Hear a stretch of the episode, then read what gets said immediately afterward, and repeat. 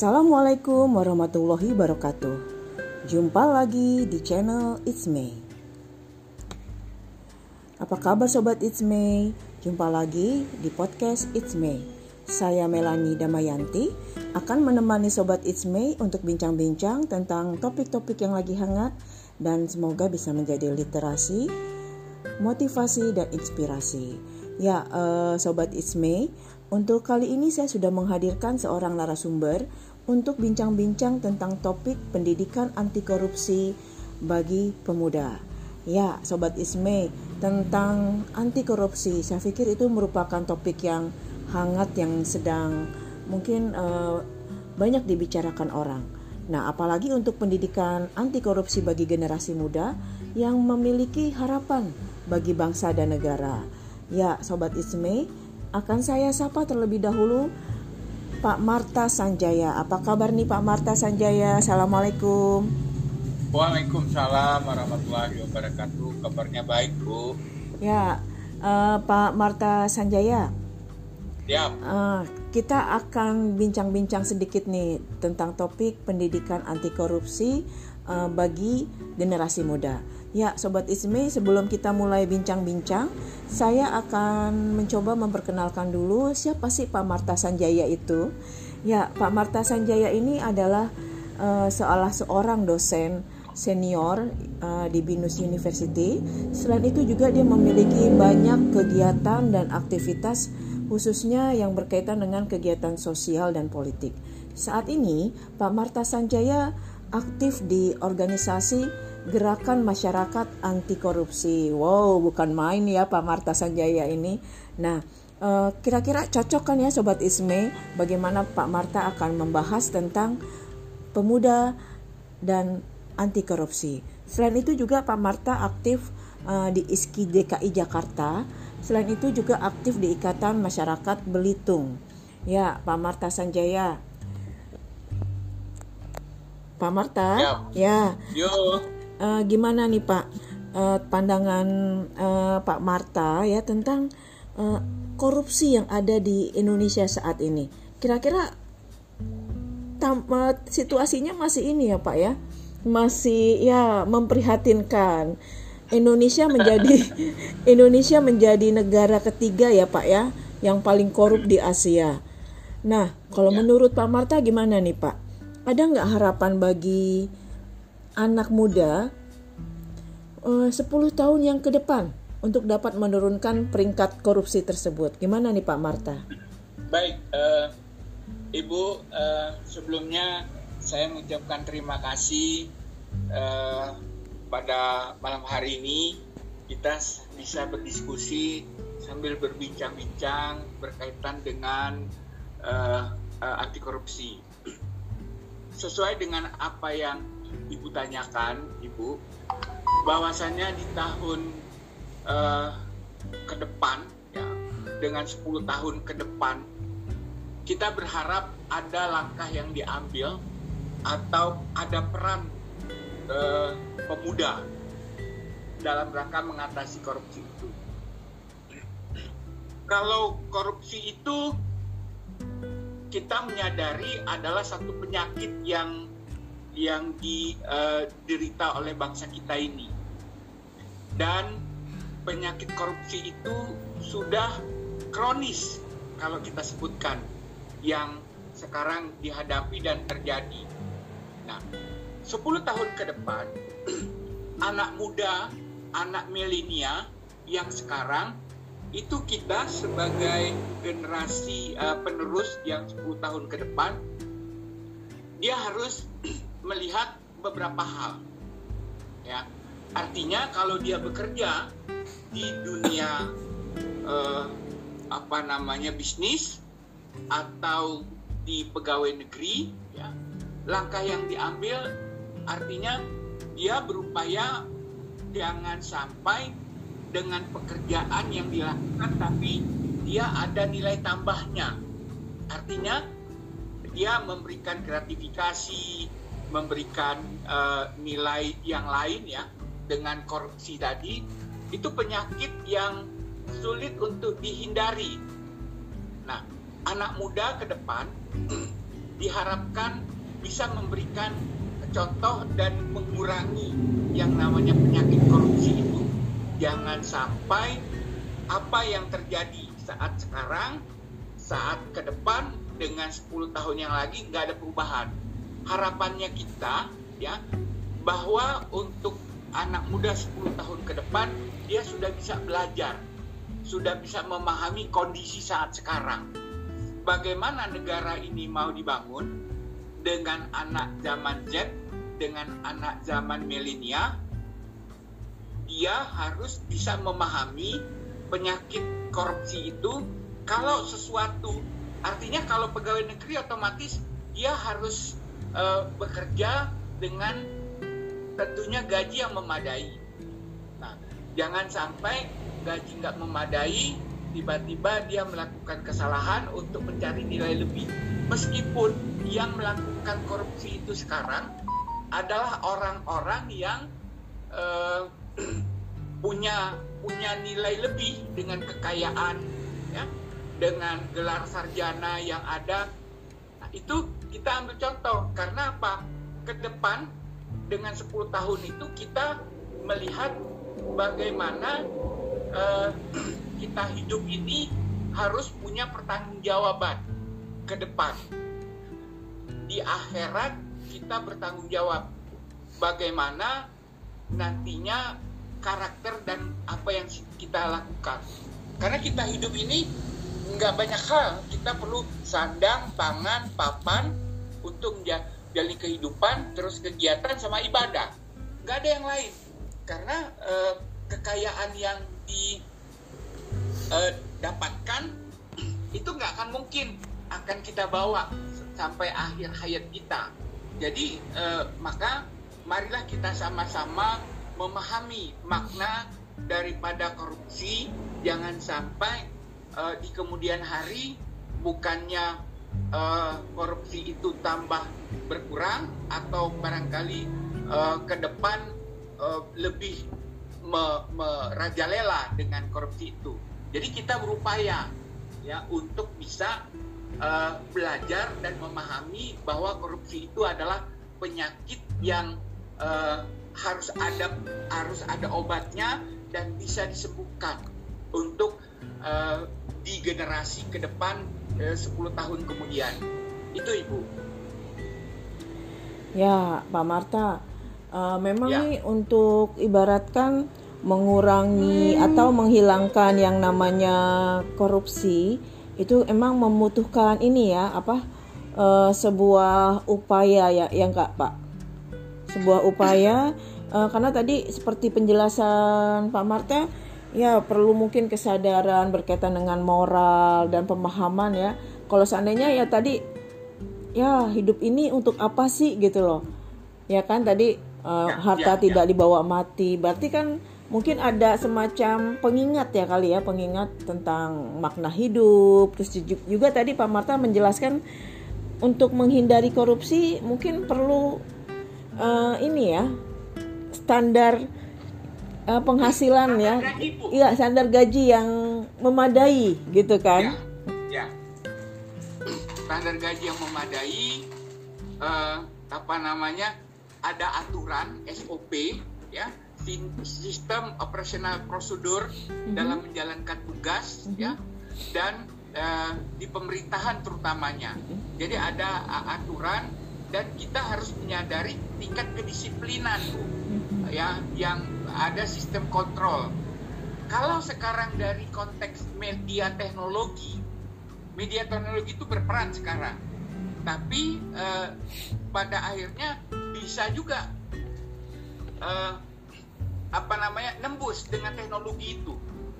Nah, maksud saya begini, keberadaan dengan teknologi semua kan ada transparan, ada keterbukaan, ada publikasi di media teknologi tadi. Nah, apa uh, mengurangi dengan tingkat penggunaan uh, uh, uang, ya, seperti misalnya uh, partisipasi pemuda dalam menurun angka. Ke depan ini dalam dunia teknologi sekarang ini artinya segala upaya, segala usaha yang dikerjakan jangan ada yang namanya berurusan dengan uang dengan cash. Artinya ada dalam bentuk uh, apa nama komunikasinya seperti gini. Zaman sekarang ini kan kalau mau bayar uh, apa nama parkir itu ada pakai flash. Masuk tol itu tidak pakai uang cash dibayar, tapi ada tapping dengan cash tadi. Nah, dengan teknologi. Nah, baik itu kita masuk ke ke tol uh, itu sudah terpotong dari uh, flash atau e-money, e-tol tadi. Nah, semua teknologi itu menjadi bagian dari peran. Hindari dengan menggunakan uh, uang cash. Ya, untuk untuk hal-hal jangan sampai uh, kadangkala selalu menyalahgunakan uh, wewenang dengan menggunakan uh, uh, cash tadi dengan uang yang kita langsung storekan bayarkan. Jadi kadang-kadang hal-hal yang seperti itu menjadi penghambat ya uh, sehingga kita menyadari uh, korupsi itu satu yang uh, kita jangan sampai merusak tatanan moral hidup kita. Dilihat dari karakteristik dalam diri kita nilai dan moral dalam diri kita. Itu sebetulnya rezeki itu kan uh, bukannya kita nggak butuh dengan uang, tapi kita harus menyadari bahwa peran dengan bekerja punya penghasilan dengan memenuhi kebutuhan hidup ya tapi jangan ada hal-hal yang bahwa kita hidup ini uh, identik dengan uang dan kita harus uh, menyalahgunakan tugas, wewenang dan tanggung jawab. Terutama misalnya apabila nanti pemuda uh, akan me melanjutkan generasi penerus ini, apakah dia sebagai presiden, apakah dia sebagai menteri, apa dia sebagai gubernur, bupati atau pejabat-pejabat yang lain. Nah, faktor itulah dengan partisipasi partisipasinya pemuda dalam menurunkan angka korupsi tadi dihindari uh, bahwa jangan ada transaksi yang dilakukan melalui uh, uh, apa nama membayar cash dengan uang tunai. Jadi ada uh, apa nama tidak ditransfer tapi dalam bentuk uh, kebutuhannya ya kebutuhan apa dengan teknologi tadi ya langkah-langkah itulah moga-moga bisa mengurangi yang namanya penyakit korupsi untuk masa periode zaman uh, zaman milenial, zaman Z dan zaman Gen Z untuk di masa yang akan datang. Itu Ibu. Ya, uh, betul sekali Pak Marta, saya setuju nih. Uh, mungkin uh, kita pun walaupun bukan generasi milenial ya, generasi uh, Z, ternyata memang uh, pemanfaatan teknologi khususnya e-money ini bisa uh, membuat kita lebih ini ya, lebih bisa ibaratkan untuk pengelolaan keuangan dan transparansi itu akan lebih mudah dibandingkan kalau apa-apa mungkin kita bikin kwitansi sendiri gitu ya apa uh, yang memungkinkan mungkin kalau seperti kasus-kasus yang ada adanya markup seperti itu ya. Ya, ya. Nah, uh, gimana Pak Marta nih? Kira-kira untuk 10 tahun ke depan, kira-kira uh, optimis atau pesimis nih Pak? Uh, untuk ya generasi muda akan bisa merubah lebih baik negara ini untuk lebih ya mungkin minimal menurunkan lah ya uh, angka korupsi yang ada di negara kita ini gimana pak? Uh, kita harus optimis bu, jangan pesimis. Artinya apa? Satu harus punya tingkat kedisiplinan yang didasari dengan dasar regulasi. Dasar regulasi yang memberikan aturan dengan sistem kerja yang dilakukan oleh pegawai negeri atau uh, transaksi yang dilakukan oleh swasta misalnya ya. Tender lalu ada join kerjasama ada proyek-proyek nah uh, itu. Lalu uh, hal yang demikian itu harus dilihat dari sisi transparan dan keterbukaan dasar regulasi aturan-aturan yang dibuat akan jangan sampai kejadian sehingga uh, uh, aturan itu akan bisa me, me, memberikan satu sanksi. Kalau seandainya dia terjerat dengan uh, korupsi tadi, dengan contoh-contoh pejabat-pejabat yang ada. Dan baru-baru uh, ini kalau kita lihat ada uh, dia menikmati hidup. Itu kan sebetulnya korupsi dia lakukan itu cuma pengaruh dari gaya hidup dari pengaruh dari gaya hidup pengaruh daripada penampilan pengaruh pengaruh daripada gengsi.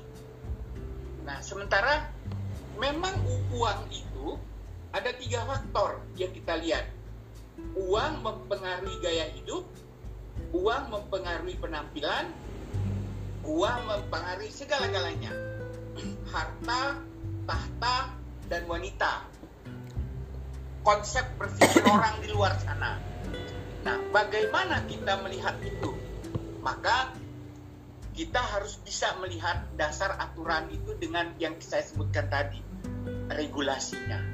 Ya, aturan. Kalau memang mungkin sekarang ini kan di Indonesia yang terjerat dengan uh, apa nama korupsi dengan hakim ketok palu ringan hukumannya tapi kalau seandainya uh, ada hukuman bisa diperberat, misalnya dengan hukuman uh, apa nama moral, rasa uh, apa uh, gengsi dalam konteks hukuman uh, kehidupannya, tatanan keluarga dia itu kan ada kalau dia sudah kena dari bapaknya bisa jadi uh, apa nama keluarga besar dia itu semua merasa uh, malu gitu.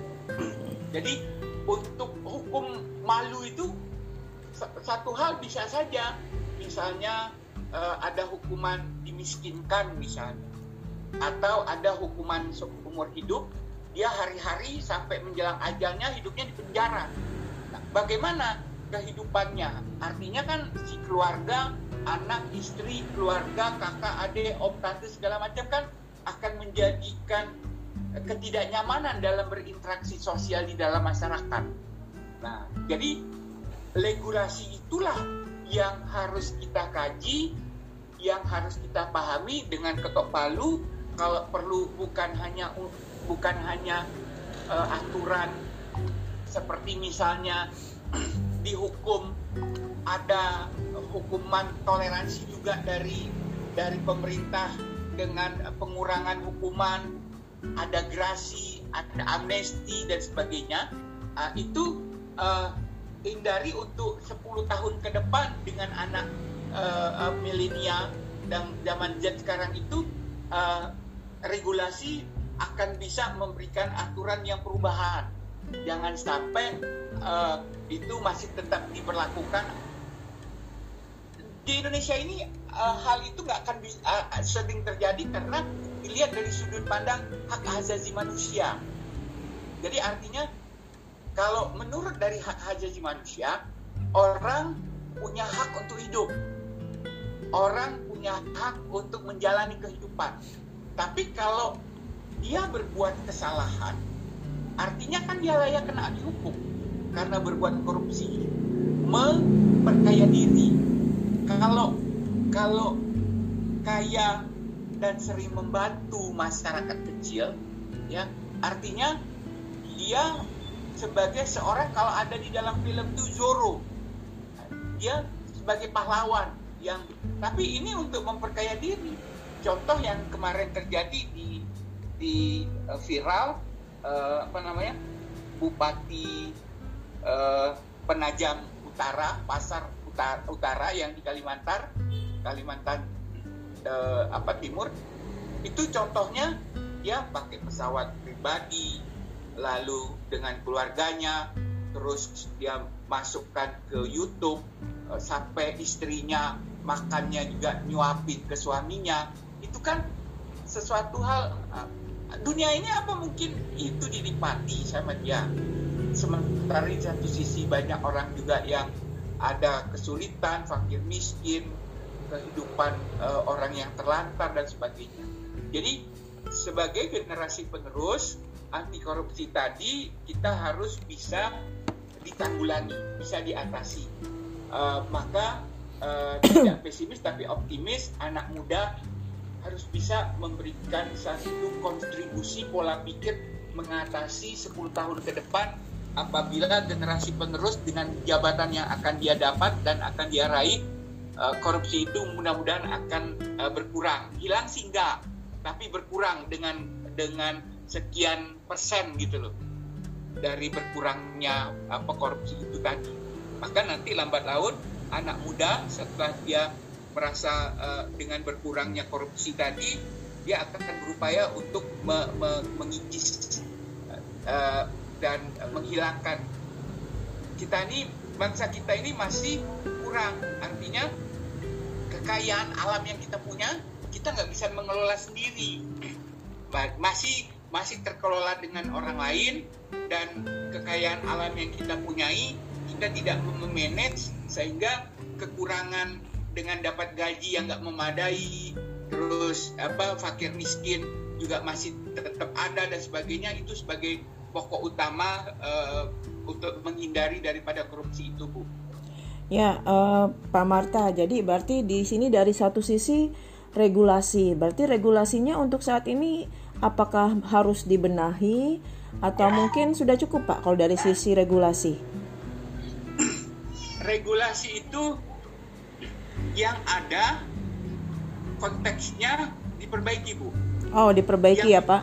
Ya, yang sudah ada yang sudah baik dipertahankan, yang belum baik di, diperbaiki Bu. Ya. Sama ini tadi Pak ya, catatan saya mungkin uh, bagaimana pengelolaan sumber daya alam yang kita miliki ini bisa mungkin lebih dioptimalkan dengan pengelolaan yang lebih apa uh, transparan dan memiliki manfaat kepada uh, seluruh masyarakat ya begitu Pak ya? Ya, ya Bu. Ya, ya uh, Pak Marta. Uh, tentang korupsi ini kayaknya memang kalau kita bicara korupsi uh, sepertinya sebuah hal yang ini ya serius karena menjadi uh, PR bersama bangsa kita.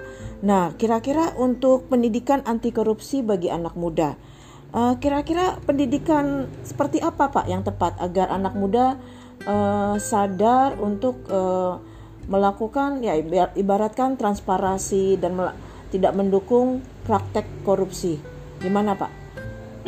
Gini Bu, uh, tingkat pendidikan itu kan kalau kita lihat dari anak muda dari yang sekarang kita coba yang namanya uh, kalau di sekolah tuh uh, ada kantin kejujuran gitu misalnya. Nah kejujuran tapi tetap dipantau oleh sekolah. Misalnya gini ada kantin di dalam sekolah ada makanan-makanan ada tulisan. Semua identik dengan tulisan. Di dalamnya ada tulisan kantin sekolah kalau dia mau beli sesuatu di kantin tersebut dia masuk lalu di makanan yang ada di dalam kantin itu sudah di label ya. Di label dengan uh, plastik dengan harga yang sudah ada. Dia mau membeli roti misalnya di kantin tersebut dengan harga Rp5.000 nah sementara uh, dia punya uang Rp10.000 artinya ada kembalian dong 5000 perak. Nah dia akan ngambil sendiri di konteks itu diuji kemampuan dia dalam konteks kejujuran dan bagaimana dia kejujuran itu menjadikan satu apa uh, jiwa dan raga dia untuk melihat. Dia melakukan itu dia ambil uang yang di dalam loket misalnya lalu uh, ribu di dalam 5000 sepuluh ribu dengan harga akhirnya dia kembali lima ribu. Nah, tapi itu semua terpantau oleh uh, apa namanya CCTV misalnya karena uh, ada te teknologi. Nah, kejadian itulah uh, uh, ibu saya memberikan saya pernah masuk ke KPK bu uh, di pemerintahan di KPK itu ada bu uh, yang namanya kantin kejujuran. Saya awalnya nggak kepikiran saya masuk ke sana saya lihat ini yang jaga di kantin kok nggak ada orangnya. Nah terus ada yang nyeletuk sama saya orang yang uh, apa tamu yang ada sana. Dia menyebutkan Pak itu namanya kantin kejujuran. Nanti kalau seandainya Bapak mau beli sesuatu Bapak beli lalu masukkan ke uangnya di ada kotaknya lalu berapa yang Bapak beli dan berapa yang uh, Bapak bayar dan berapa Bapak harus mengembalikan? Jadi dites kejujuran itu nah artinya apa? Dunia uh, pengetes dan kita dilihat dari yang maha kuasa dengan akhirat tadi. Tingkat kejujuran yang kita lakukan. Nah di tingkat sekolah upaya-upaya seperti itu harus lebih ditingkatkan uh, anak sekolah dengan kantin kejujuran satu. Terus kedua dengan korupsi itu kan tidak identik dengan waktu jadi dengan tingkat kedisiplinan jam berapa dia masuk ke kelas ya uh, belnya itulah yang uh, kedisiplinan dia masuk disiplin. Dia masuk ke kelas atau datang ke sekolah lalu jam berapa dia pulang daripada sekolah ya. Jam berapa dia istirahat? Nah, disiplin. Nggak ada namanya kata terlambat dan dari dari rumah dia tahu kalau masuk jam 7 jam berapa dia harus berangkat dari rumah. Itu kan disiplinnya seperti itu. Anak muda sekarang itu harus lebih intens dalam memberikan satu kedisiplinan. Pertama, korupsi bukan hanya uang, tapi harus dilihat dari sisi waktu. Jangan ada korupsi waktu. Nah, lalu ketiga, kalau bicara konteks anak muda, jangan ada korupsi yang berkaitan dengan yang namanya uh, contek mencontek. Kalau ujian kejujuran itu menjadi pangkal utama jujur. Berapapun nilainya adalah dari kerangka berpikirnya dia. Jadi nggak usah ada contek, uh, uh, senggol kanan, senggol kiri, terus ada apa namanya uh, ditarik dengan tulisan di badan dia atau segala macam dia upaya menghalalkan segala cara lah dalam bahasa dalam bahasa yang lebih bisa dipahami, menghalalkan segala cara. Nah, itu artinya kita berupaya. Jadi guru-guru yang ada di sekolah dia memberikan satu pemahaman, ilmu pengetahuan. Guru itu kan pahlawan tanpa tanda jasa. Dia berupaya memberikan ilmu pengetahuan kepada uh, murid dan diberikan bekal buku misalnya bekalnya setelah dia menjadi, memberikan penjelasan berkaitan dengan isi materi uh, pembelajaran, dia juga diperkenankan untuk membaca buku, sumber-sumber buku yang berkaitan dengan materi tersebut. Nah, lalu pada saat ujian dia harus punya komitmen. Saya dulu me me menghadapi uh, masa muda saya uh, hal yang seperti itu. Kalau kalau dia dapat nilai jelek, artinya beban pikirannya dia. Bagaimana beban pikiran itu akan bisa berubah mau dapat nilai bagus artinya harus berjuang dengan belajar gitu. Nah, fakta-fakta itulah begitu juga tingkatannya kan berbeda-beda. Di SD, SMP, SMA sampai ke perguruan tinggi. Nggak contek-contek. Apalagi kalau yang lebih berat di perguruan tinggi jangan sampai dia hasil karya di perguruan tinggi itu kan ada IP ada IPK kalau IP-nya dia dapatkan konsekuensinya kalau dia masuk bekerja dengan IP di bawah standar kan nggak akan dapat kerja dia. Tapi kalau seandainya IP memenuhi target atau standarnya sesuai dengan uh, kriteria atau kota yang dibutuhkan oleh company di atas tiga misalnya. Dia memenuhi tiga setengah atau 3,4 dan seterusnya. Bisa lah dia masuk kerja sesuai dengan kemampuan dan kompetensinya dia dalam pembelajaran. Nah, jadi konteksnya korupsi tadi kita tidak melihat dari sisi uang, tapi kedisiplinan, waktu, tenaga, dan bagaimana e, cara bekerja. Kalau mau lulus, belajar dengan rajin. Nggak ada lulus karena nyontek dan punya prestasi karena nyontek. Itu itu tingkat pemahaman yang harus kita pahami melalui pendidikan anti korupsi itu ibu. Ya uh, menarik Pak Marta Sanjaya. Kebetulan tentang warung kejujuran saya juga pernah mendengar nih Pak. Dan kalau tidak salah uh, pernah ada beberapa sekolah yang mencoba menerapkan dan itu ada yang berhasil dan ada juga yang mungkin masih perlu dalam proses pembinaan. Memang kalau untuk warung kejujuran uh, ini ya Pak, uh, ya sedikit tidaknya perlu ada rasa kesadaran ya, ibaratkan benar kata Pak Marta, kita harus sadar kita tuh tidak hanya diawasi oleh petugas, tapi kita juga diawasi sama yang maha kuasa, yang mungkin orang nggak ngeliat, tapi ada yang maha kuasa loh yang ngeliat apa yang kita perbuat sekecil apa pun. Ya, lalu yang kedua saya juga setuju nih Pak sama Pak Marta. Kalau dalam konteks apa uh, korupsi, korupsi itu tidak selalu benar hanya yang berkaitan dengan uang. Karena tadi korupsi waktu, benar ya Pak ya. Uh, mungkin uh, yang jangankan anak muda Pak, mungkin uh, kita pun sebagai orang dewasa atau orang tua uh, sering melakukan yang namanya korupsi waktu ya. Misalnya mungkin jam jam kerja ya istirahat dari jam 12 sampai jam 13 harusnya tapi kenyataan prakteknya mungkin ada yang jam 13 masih leyeh-leyeh kekenyangan kadang-kadang mungkin alasannya uh, ibadah gitu ya habis yeah, makan yeah, yeah. tapi malah tidur-tiduran ya ini kan fenomena yang sering terjadi di masyarakat Pak Nah, terus ya. yang ketiga saya juga sepakat nih Pak. Kalau seandainya benar, kalau seandainya contek mencontek itu adalah sebuah hal yang uh, sangat relevan dengan yang namanya kejujuran.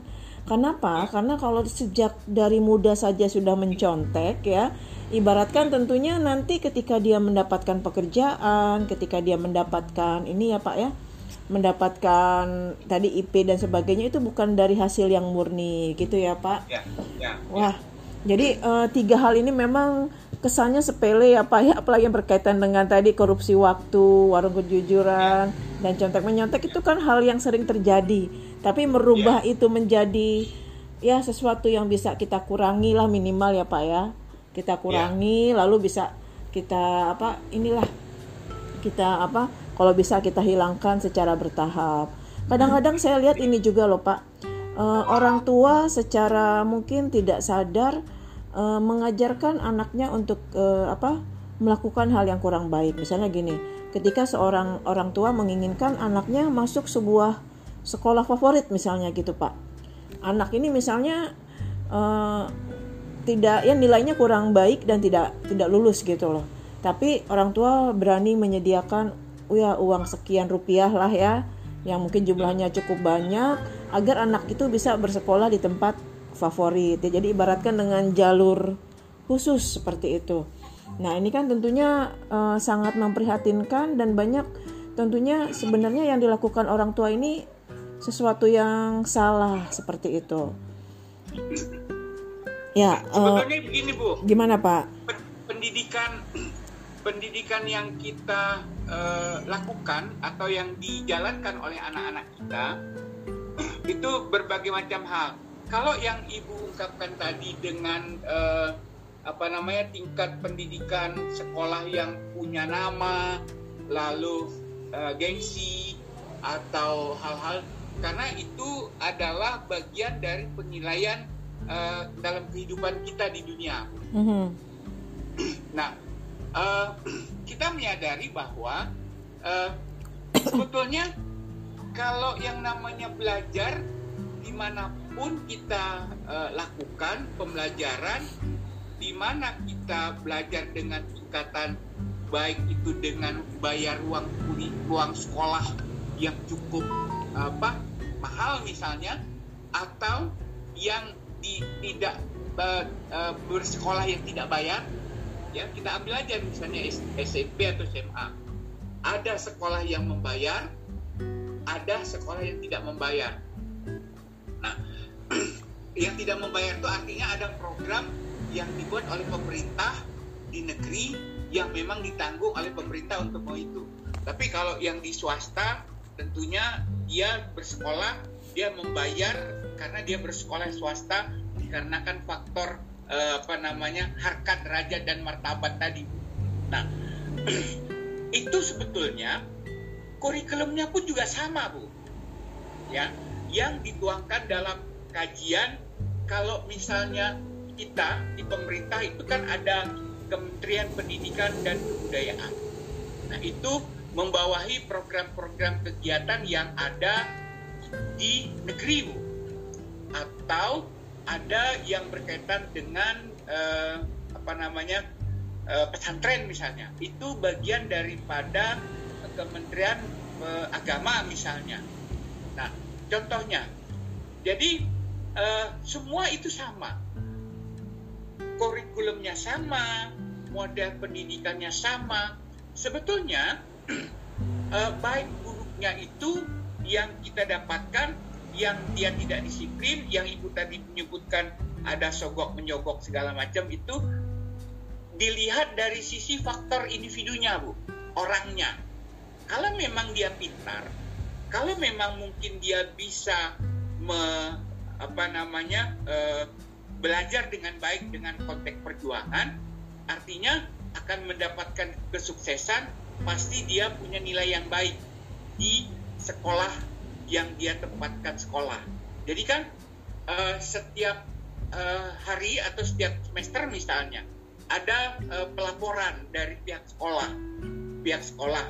Jadi artinya antara orang tua dengan pihak uh, sekolah itu harus saling bersinergi dalam koordinasi dan konsolidasi dan memantau ya memantau bagaimana peran orang tua dan bagaimana peran sekolah untuk saling mengawasi. Jangan sampai ya kejadian tadi karena dia tidak lulus, karena dia uh, nilainya jelek, karena tidak belajar. Nah, jadi ada pelaporan-pelaporan karena di di sekolah itu baik SMP maupun di SMA misalnya itu kan ada yang namanya guru BP bu guru BP Nah, guru BP itu berperan untuk mengawasi dan mengontrol tingkat kedisiplinan si anak tadi. Kalau dia sering bolos, kalau dia tidak disiplin dalam bekerja, dalam belajar dan sebagainya, itu pihak sekolah punya kewajiban untuk melaporkan uh, ketidaknyamanan itu kepada orang tua agar orang tua bisa memberikan uh, apa namanya uh, nasihat. Jadi kalau dia bersekolah bukan hanya tanggung jawab sekolah, tapi peran orang tua juga harus ada dalam melakukan uh, aktivitas kegiatan. Jadi orang tua memberikan hibah atau kepercayaan ke kepada sekolah. Nah, sekolah menerima keyakinan dan kepercayaan tersebut. Tapi apabila sekolah ada sedikit permasalahan yang dihadapi yang berkaitan dengan anak situ, artinya harus ada kontrolnya, memberikan pelaporan kepada orang tua. Pak, Bu, anak Bapak Ibu di sini begini begini gini. Nah, bagaimana solusi? Jadi harus ada sinergi antara pihak sekolah dengan pihak orang tua untuk mengatasi bagaimana tingkat kesulitan yang dihadapi oleh anak itu. Begitu, Bu. Ya, betul Pak ya. Memang kalau berkaitan dengan pendidikan anti korupsi ini uh, peran sekolah, peran orang tua ini sangat penting ya Pak. Karena ya. sedikit tidaknya ibaratkan orang tua kan yang tahu karakter anaknya dan juga awal membentuk karakter anak itu kan dari rumah ya. Jadi mungkin nilai-nilai anti korupsi itu juga bisa uh, sebaiknya disampaikan oleh orang tua dan mungkin uh, sekolah dan orang tua saling membantu gitu ya Pak ya? Iya. Ya. Iya Bu. Uh, ya. Kalau sejauh ini kalau menurut Pak Marta uh, pendidikan anti korupsi yang dilakukan oleh KPK ya uh, kepada sejumlah sekolah-sekolah, institusi pendidikan lah, itu apakah sudah cukup Pak? Apakah mungkin perlu uh, ditambah lagi atau mungkin perlu diperbaiki lagi? Uh, ada perbaikan Bu ada perbaikan. Yang dilak ya ad, uh, di yang dilakukan oleh KPK itu ada pelatihan, ada kalau sekarang itu sistemnya uh, eh, KPK itu uh, jemput bola bu dia saling bekerja sama dengan institusi tertentu misalnya apakah institusi sekolah saling bersinergi untuk memberikan satu pemahaman kepada uh, generasi muda. Dia dia uh, memberikan peng, apa seperti pelatihan uh, yang berkaitan dengan anti korupsi di di setiap tahun kan ada di tanggal 9 Desember. Setiap tanggal 9 Desember itu kan hari uh, uh, anti korupsi sedunia. Nah, program-program itu selalu dikemas dan dibuat ya untuk bisa apa pengertian korupsi, bagaimana bentuk gratifikasi, bagaimana pe pemahaman untuk menghindari jangan sampai korupsi itu terjadi ya di secara berulang. Nah, jadi memperingati di tanggal 9 saya saya udah pernah beberapa kali ya mengikuti uh, hari ulang tahun tersebut dengan uh, kegiatan yang dibuat oleh KPK. Nah, uh, kegiatan-kegiatan itu tapi endingnya uh, apa nama menjelaskan dari hasil prestasi yang di uh, dikelola oleh KPK seperti misalnya barang sitaan. Nah, barangnya disita, setelah itu ada ada program pelelangan ya. Siapa yang mau membeli barang yang dilelang oleh KPK. Nah, uang yang setelah terkumpul itu akan disetor kepada pemerintah. Ya dengan kalau kalau di dalam pemerintahan itu program gratifikasi segala macam itu kan nggak boleh ya. Memberikan bantuan memberikan uh, rasa terima kasih segala itu nggak nggak bisa uh, dan di dalam pemerintah sudah ada pengawasan dan uh, ketat sekali. Nah banyak contoh-contohnya bu ini saya saya kasih satu contoh bu ya gini uh, saya tidak menyebutkan namanya tapi ada salah satu pejabat dia menikahkan anaknya. Nah, dia mengundang saya. Saya nggak kenal sama pejabatnya, tapi saya kenal sama anaknya. Anaknya itu kebetulan uh, yang saya didik di sekolah. Nah, dia anaknya karena kedekatan emosional saya dengan dia, dia ngundang saya. Bapak datang ya, saya mau nikah. Ini nih ah, bapaknya pejabat. Saya datanglah ke sana. Biasanya kalau datang di pernikahan itu kan ada tulisan yang uh, apa di di meja tamu. Kehadiran. Terus ada amplop yang kita masukkan ke uh, kanan atau ke kiri sebagai bagian pengganti uh, bingkisan yang kita biasa bawa. Sekarang kan ngetrennya seperti itu. Nah, pada saat saya lakukan itu, si yang menerima saya dengan nulis di buku tamu tadi menyebutkan, Pak, nggak usah begituan Pak, Bapak kantongin aja, nggak boleh Pak, karena posisinya ini nanti apabila kita e, menerima dan akan diaudit Pak, jadi harus ada pertanggungjawaban.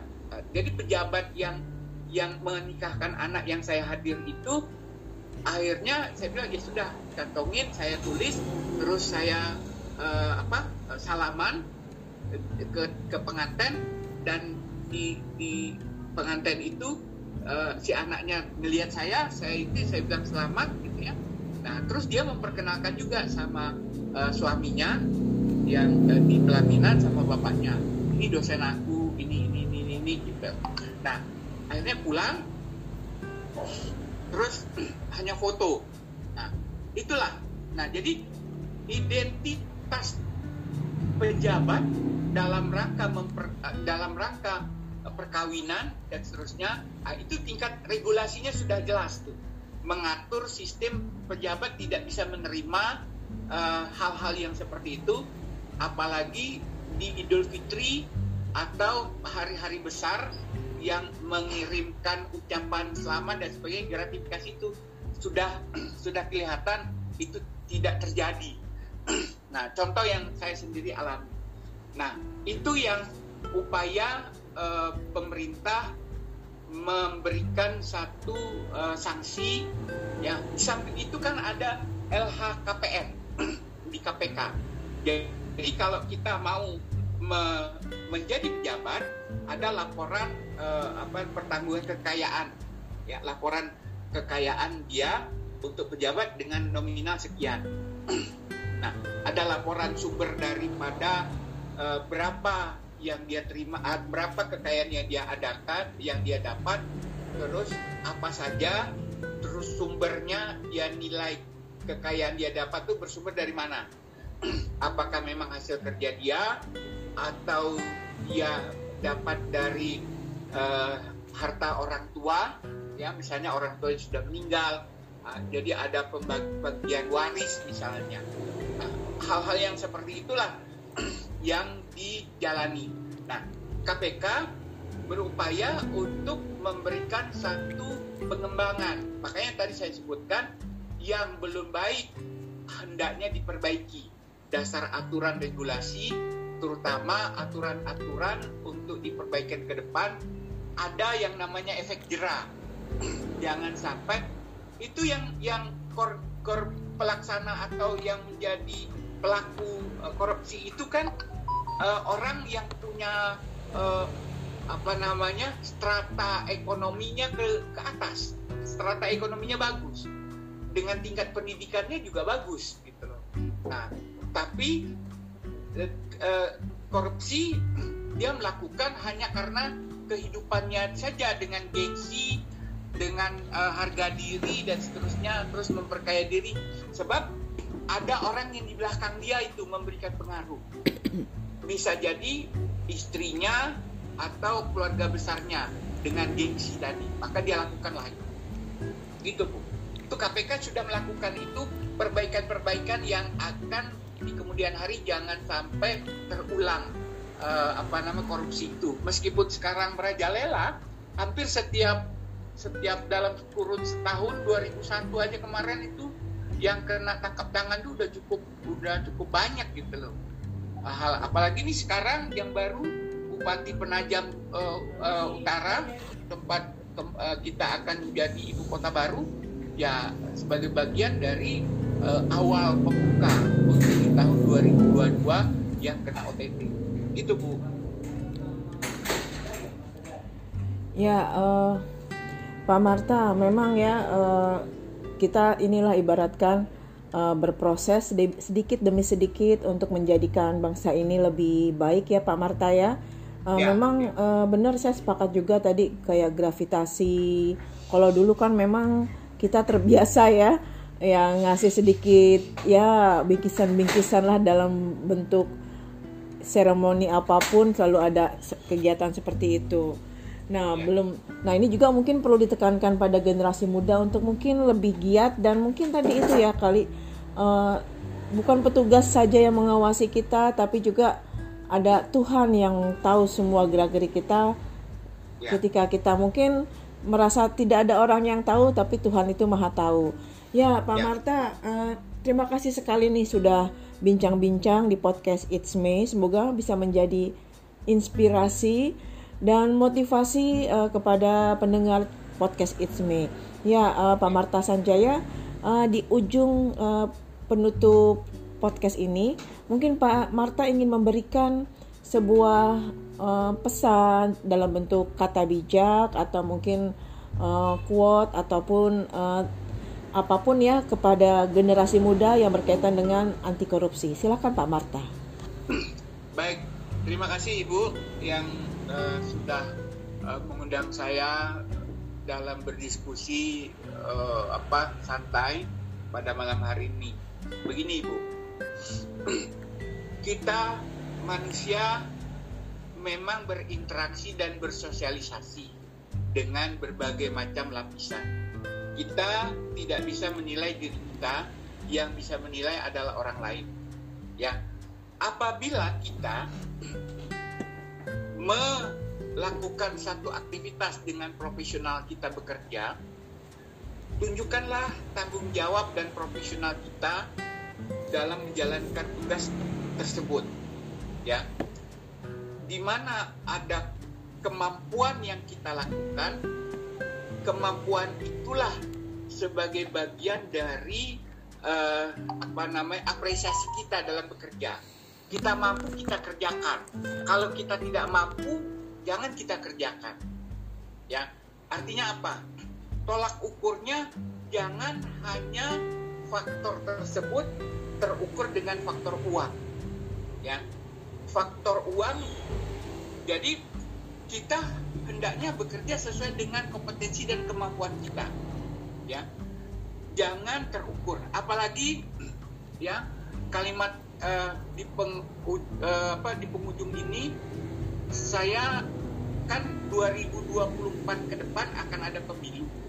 Calon-calon uh, yang akan ikut berpartisipasi di dalam pemilu 2024 baik itu legislatif atau DPR RI, DPRD dan uh, apa namanya uh, kegiatan yang berkaitan dengan uh, pilkada tersebut kalau mampu jalankan. Tapi jangan sampai kemampuan itu diukur dari sisi uang. Tapi kalau tidak mampu kalau kalau mampu harus bisa terima tunjukkanlah programnya visi misi kemampuannya dalam nah kalau memang dia uh, menjadi pejabat dengan diberikan doa dan keberkahan daripada masyarakat untuk memilih itu bagian daripada rezekinya dia. Tapi kalau seandainya dia tidak terpilih, ya itu jangan ada kalimat uh, untuk memaksakan kehendak tadi dengan uh, uang tadi, ya satu sisi upayakan dalam hal apa pun jangan ada indikasi uang menjadi prioritas utama peran utama apalagi kalau ada kegiatan uh, apa namanya uh, pilkada ya itu dilihat dari sisi mahar seberapa mahar yang diterima seberapa besar uh, urutan partainya yang dia ikut dalam berkompetisi. Biasanya kalau calon legislatif itu dengan urutan satu dua pasti maharnya tinggi. Gak akan mungkin kalau yang bawah ke bawah pasti maharnya sedikit. Tapi kita ukurannya adalah kemampuan, kompetensi, progres, dan keinginan untuk membangun, bukan untuk mengambil hak dan uang rakyat. Itu menjadi pesan saya kita marilah sama-sama membangun bagaimana peran rakyat dia mau hidup baik, mau hidup makmur, mau hidup sejahtera. Pemimpin bertugas untuk mengayomi karena pemimpin itu adalah pelayan rakyat. Bagaimana pemimpin dengan pelayan rakyat memberikan kontribusi untuk memberikan penghidupan dalam sisi kemakmuran dan kemaslahatan daripada umat itu. Itu Ibu Mei. Ya, terima kasih Pak Marta Sanjaya. Saya setuju banget nih ya dengan uh, apa uh, pesan terakhirnya. Mungkin uh, buat uh, pendengar It's Me juga buat saya juga buat generasi muda bahwa tidak semua itu bisa diukur dengan uang ya. Uh, apalagi yang namanya ketenangan, kebahagiaan itu tidak selalu bisa diukur dengan uang. Ya, uh, terima kasih uh, Pak Marta Sanjaya untuk bincang-bincangnya tentang pendidikan politik untuk uh, generasi muda. Uh, semoga memiliki manfaat ya, Sobat It's Me, karena jarang sekali kita berbicara yang berkaitan dengan politik.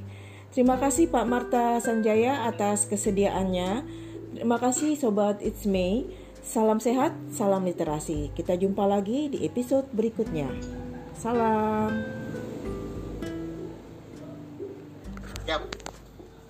Waalaikumsalam warahmatullahi wabarakatuh.